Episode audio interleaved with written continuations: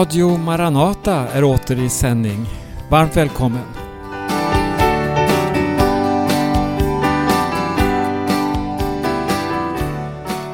Varmt välkommen till ett program från Radio Maranata. Jag heter Berno Vidén och eh, i det här programmet så ska vi tala lite om aktuella ting. Vi lever ju under en pågående pandemi som har satt hela världens ekonomi ur spel på ett sätt. Ja, det har drabbat oss alla på många olika sätt. I det här programmet så vill jag påminna något om hur Bibeln lyfter fram, hör här nu, att kristider är segertider. Vi skulle kunna titta på församlingars eh, traditionella verksamhet. Många har ställt in sina möten. Den har reducerats till ett minimum. Och ytligt så kan det här se ut som ett stort nederlag. Men eh, jag tänker att i själva verket så kan det faktiskt vara tvärtom. Utifrån det här bibelordet det står så här att det som ingenting var, det utvalde Gud. Då kan vi lära oss hur en opartisk Gud han utrustar, han värderar och han ser på en församlings verksamhet. Det finns måttstockar, alltså himmelska måttstockar. De är inte som de jordiska. Nej, Gud ser med helt andra ögon. Eh, jag ska ta ett exempel här. För Maranataförsamlingen i Stockholm så blev det oerhört kännbart då församlingen efter mer än 30 års verksamhet på Bällstavägen i Bromma. Då fick församlingen där lämna ett väl inarbetat missionscenter. Och eh, syskonen då som jobbade där och eh, som kom till mötena och som var med i arbetet fick ju flytta. Från Bromma så flyttade syskon sen till olika orter då platsen som under så lång tid har varit en naturlig samlingspunkt för konferenser, bibelskolor och mycket annat. Då den nu återlämnades till hyresvärden.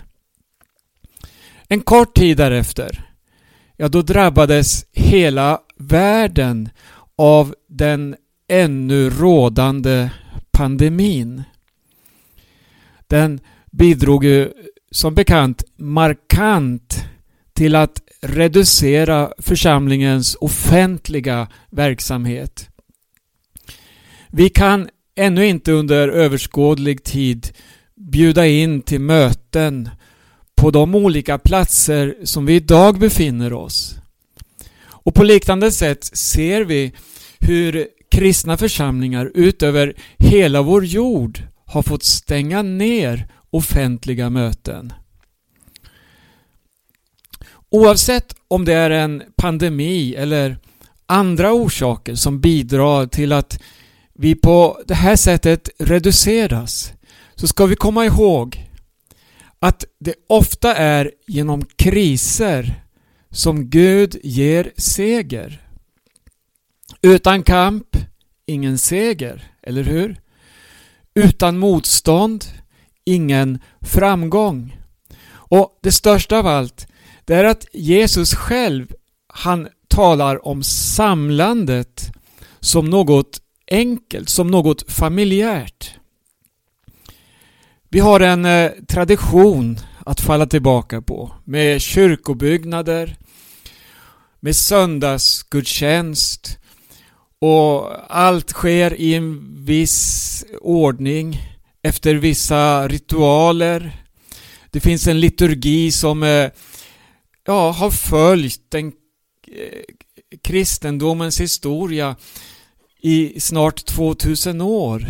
Men detta har inte någon direkt koppling till nytestamentligt församlingsliv. Utan det här finner snarare sina rötter kring hur den politiskt färgade romerska katolska kyrkan växte fram. Det finns alltså en lång tradition, en lång kyrklig historia som har format vårt sätt att samlas, vårt sätt att ha möten och så vidare. Eh, jag ska göra ett hopp nu. Församlingen har ju ett missionsfält i Dominikanska republiken. Även där har vi fått pausa all offentlig verksamhet. Men vad som genom den här krisen har fått nytt liv det är att fler och fler hem har förvandlats till levande bönehus. Människor samlas. Två och tre. En familj. En mindre grupp nära vänner och så vidare. Vi kan läsa i olika media om hur Guds församlingar som finns spridda på jorden lider nederlag då kyrkor måste stängas. Och vi läser också hur eh, det här beskrivs ibland som en förföljelse mot kristendomen. Men vad vi ser det är ju något helt oerhört egentligen. Det är hur varje hem på ett naturligt sätt utan traditionellt utformat gudstjänstprogram så förvandlas det till ett Guds tempel. Alltså varje hem. Det, det är en husförsamlingarnas tid. På ett sätt som vi kan läsa om den urkristna församlingen i Nya Testamentet. Hemmen blir den nya, eller den naturliga mötesplatsen.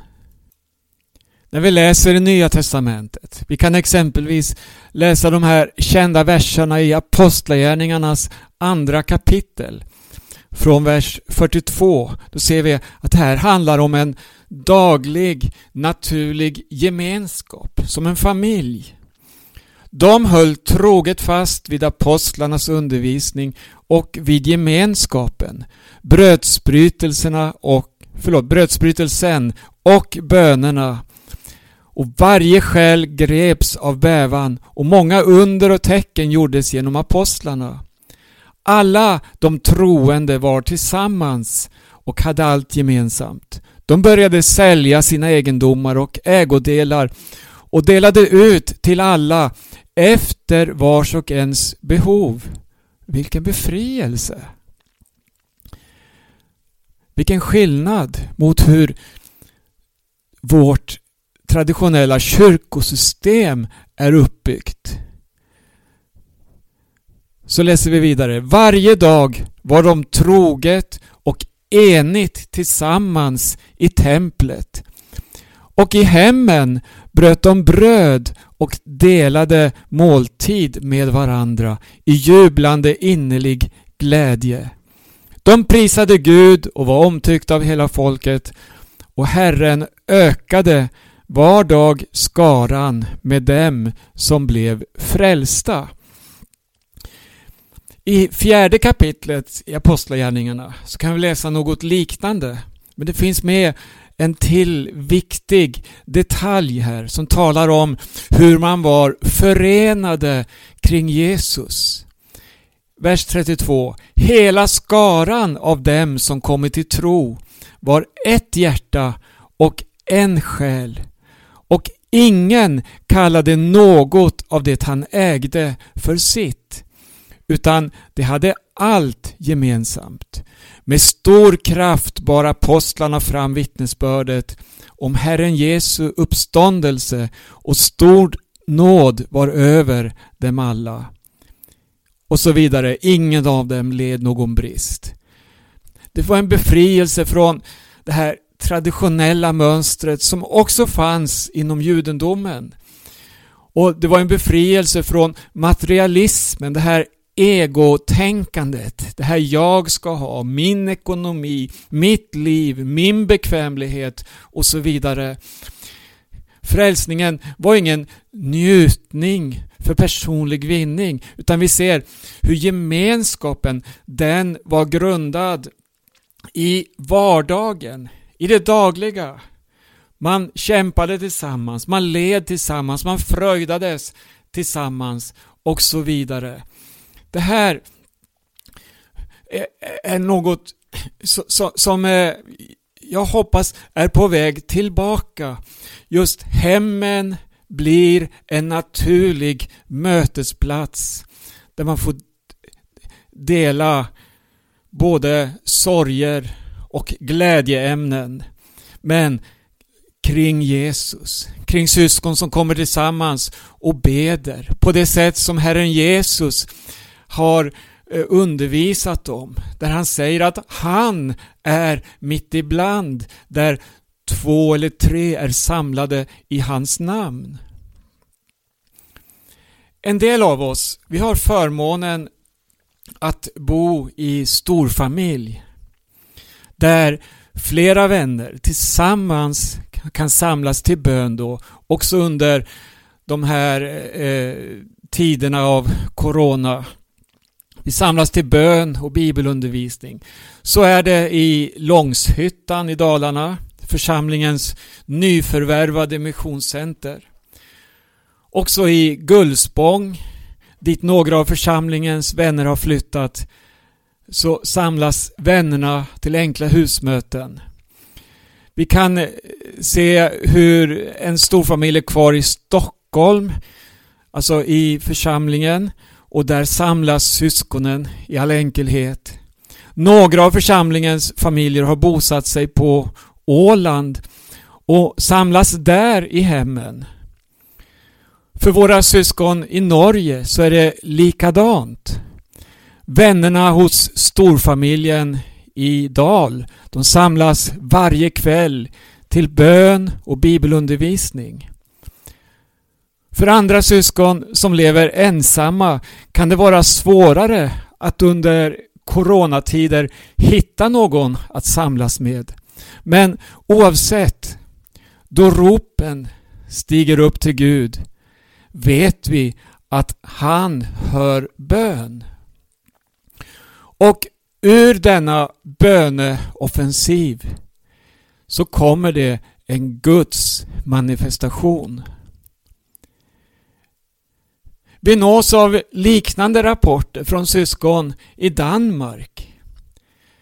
Vi har syskon i Finland som säger samma sak. Missionsfältet som våra norska vänner har i Rumänien, där hör vi samma vittnesbörd. Ukraina, Ryssland. Vi har syskon på Kuba som kämpar oerhört. Vi har vänner på många platser. Vi har vänner i USA, Mexiko, Venezuela och så vidare. Ja, listan kan göras lång på platser. Men det väsentliga här, det är att Gud genom det som är svagt i världen, det som ingenting var, visar sin frälsande makt. Och vägen dit, det är det som handlar om bönen, avskildheten. Det är en Guds sökningstid. Jesaja, han skriver så här i kapitel 26, vers 20. Kom mitt folk, gå in i dina kamrar, stäng igen dörrarna efter dig, göm dig ett litet ögonblick tills vreden har gått förbi. Det här bibelordet påminner oss om tidens allvar och korthet. Och det gäller verkligen att ta vara på de tillfällen som Gud ger. Vi befinner oss i en eh, förberedelsetid. En speciell tid då Gud kallar på människor. Vi ser vreden, den går ut över vår jord på mer än ett sätt. Hela världen är i den ondes våld, sa Jesus. Men han sa också att i mig finns ingenting som hör honom till. Djävulen är vred. Han vet att hans tid den är väldigt kort. Det står i Uppenbarelsebokens tolfte kapitel om en strid som uppstod, hör och häpna, den uppstod i himlen. Finns det strider i himlen? Himlen är väl, ja, som det låter, himmel, där allt är frid och fröjd. Men du, det fanns en strid i himlen. Så här skriver Uppenbarelseboken 12 från vers 7. Mikael och hans änglar stred mot draken. Var någonstans? Jo, i himlen står det. Och draken och hans änglar stred. Men han var inte stark nog och det fanns inte längre någon plats för dem i himlen. Och den store draken, den gamle ormen som kallas djävul och Satan och som förleder hela världen kastades ner på jorden och hans änglar kastades ner med honom. Och jag hörde en stark röst i himlen säga Nu tillhör frälsningen och makten och riket vår Gud och väldet hans smorde. För våra bröders åklagare är nerkastad. Han som dag och natt anklagade dem inför vår Gud. De övervann honom genom Lammets blod och genom sitt vittnesbörds ord. De älskade inte sitt liv så högt att de drog sig undan döden. Jubla därför, ni himlar och ni som bor i dem. Men ve dig, du jord och du hav. För djävulen har kommit ner till er i stor vrede eftersom han vet att hans tid är kort. Vilken strid! Och vad är fokus i denna strid? Det handlar om människan. Det handlar om högmodet. Att sätta sig på Guds tron. Att detronisera Gud. Att förleda och förvilla. Men du, på vilket sätt har då eh, draken eller djävulen här blivit nedkastad från himmelen? Han var inte stark nog. Han kan verkligen visa upp styrka på många sätt. Då han drar fram och skövlar och förstör människors liv. Men det fanns en som övervann och inte med stora mäktigt synliga vapen utan genom att ge sitt liv. De övervann honom genom Lammets blod. Han gav sitt liv och i denna utblottelse, detta utgivande, detta nederlag där Jesus dog. Han fördes bort, han begravdes i ett bergrum. Allt såg ut att vara slut. Det som ingenting var. Men därigenom visar Gud sin oerhörda makt, sin frälsning. Döden kunde inte behålla honom. Han steg upp ur dödsriket. Han vann seger över synden och över döden. Och djävulen, han har nu sina domäner här på jorden där han driver omkring för att i vredesmod och i panik utföra sin mission. Han vet att hans tid är kort. Vad är vår kamp? Vad ska vi göra? Hur ska vi kämpa? Ska vi slåss mot honom? Du, du kan vila i Gud. För Gud har vunnit en evig seger. Du kan inte göra något. Du kan inte besegra djävulen. Men i Jesu namn så ger han vika. Så försvinner han från ditt liv. Där Jesus är närvarande, där har han ingen möjlighet att komma till. Ta emot Jesus i ditt liv och du har en evig försvarare. En som hjälper dig, en god herde som för dig över berg och genom dal.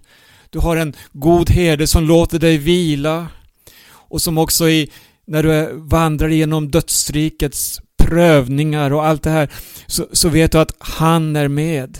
Så vårt fokus det handlar inte att, att tala om allt det onda vi har omkring oss. Det, det ser människor ändå. Det möter människor genom allt som äger rum. Genom media, genom rapporter från krig och svält och flyktingar och pandemier och så vidare. Nej, istället får vi lyfta blicken och fylla av det hoppets budskap som är till frälsning för människor. Jesus kommer. Förlossaren är i antågande. Frälsaren är snart här. Då vi för alltid ska få vara hos Herren. Jesus talar om de yttersta tingen i Lukas 21. Om allt detta som ska övergå jorden och han, han, han talar där om alla människor. Han talar om dem som, eh, som finns, alltså mänskligheten, folken, inga nationella begränsningar, inga geografiska hinder, utan det ska övergå jorden och människor ska fyllas av ångest, bli villrådiga inför havets och vågornas dån, inför allt detta. Men där påminner han om att när allt detta börjar ske så lyft då edra huvuden, ty då nalkas er förlossare. Förkunna Jesus, förkunna hans tillkommelse, förkunna frälsning i hans namn. Det är mänsklighetens enda hopp. Det är att Jesus kommer snart. Amen.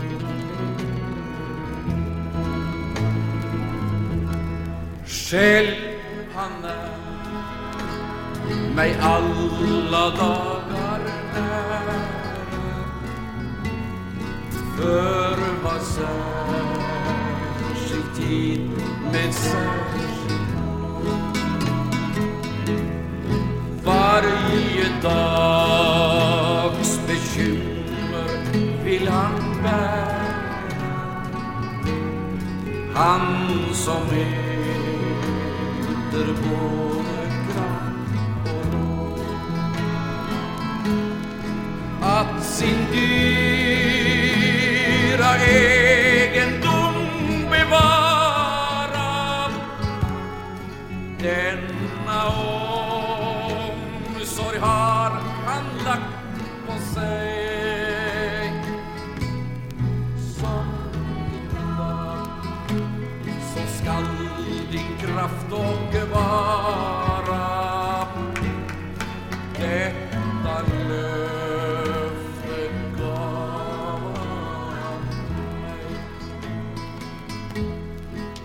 att sin dyra egendom bevara denna omsorg har han lagt på sig. Som din lag så skall din kraft och vara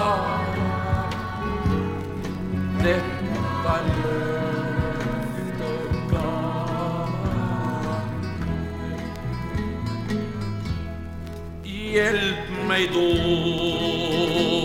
att vila tryggt och stilla blott vid dina löften, Herre kär. Och ej trones styra tröst förspilla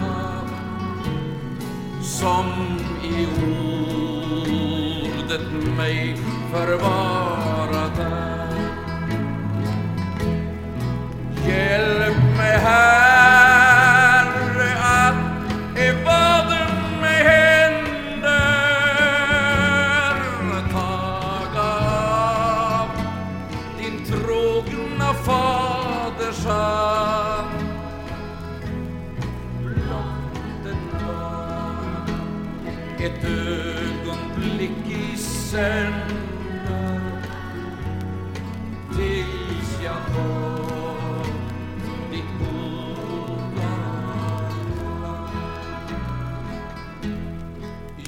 will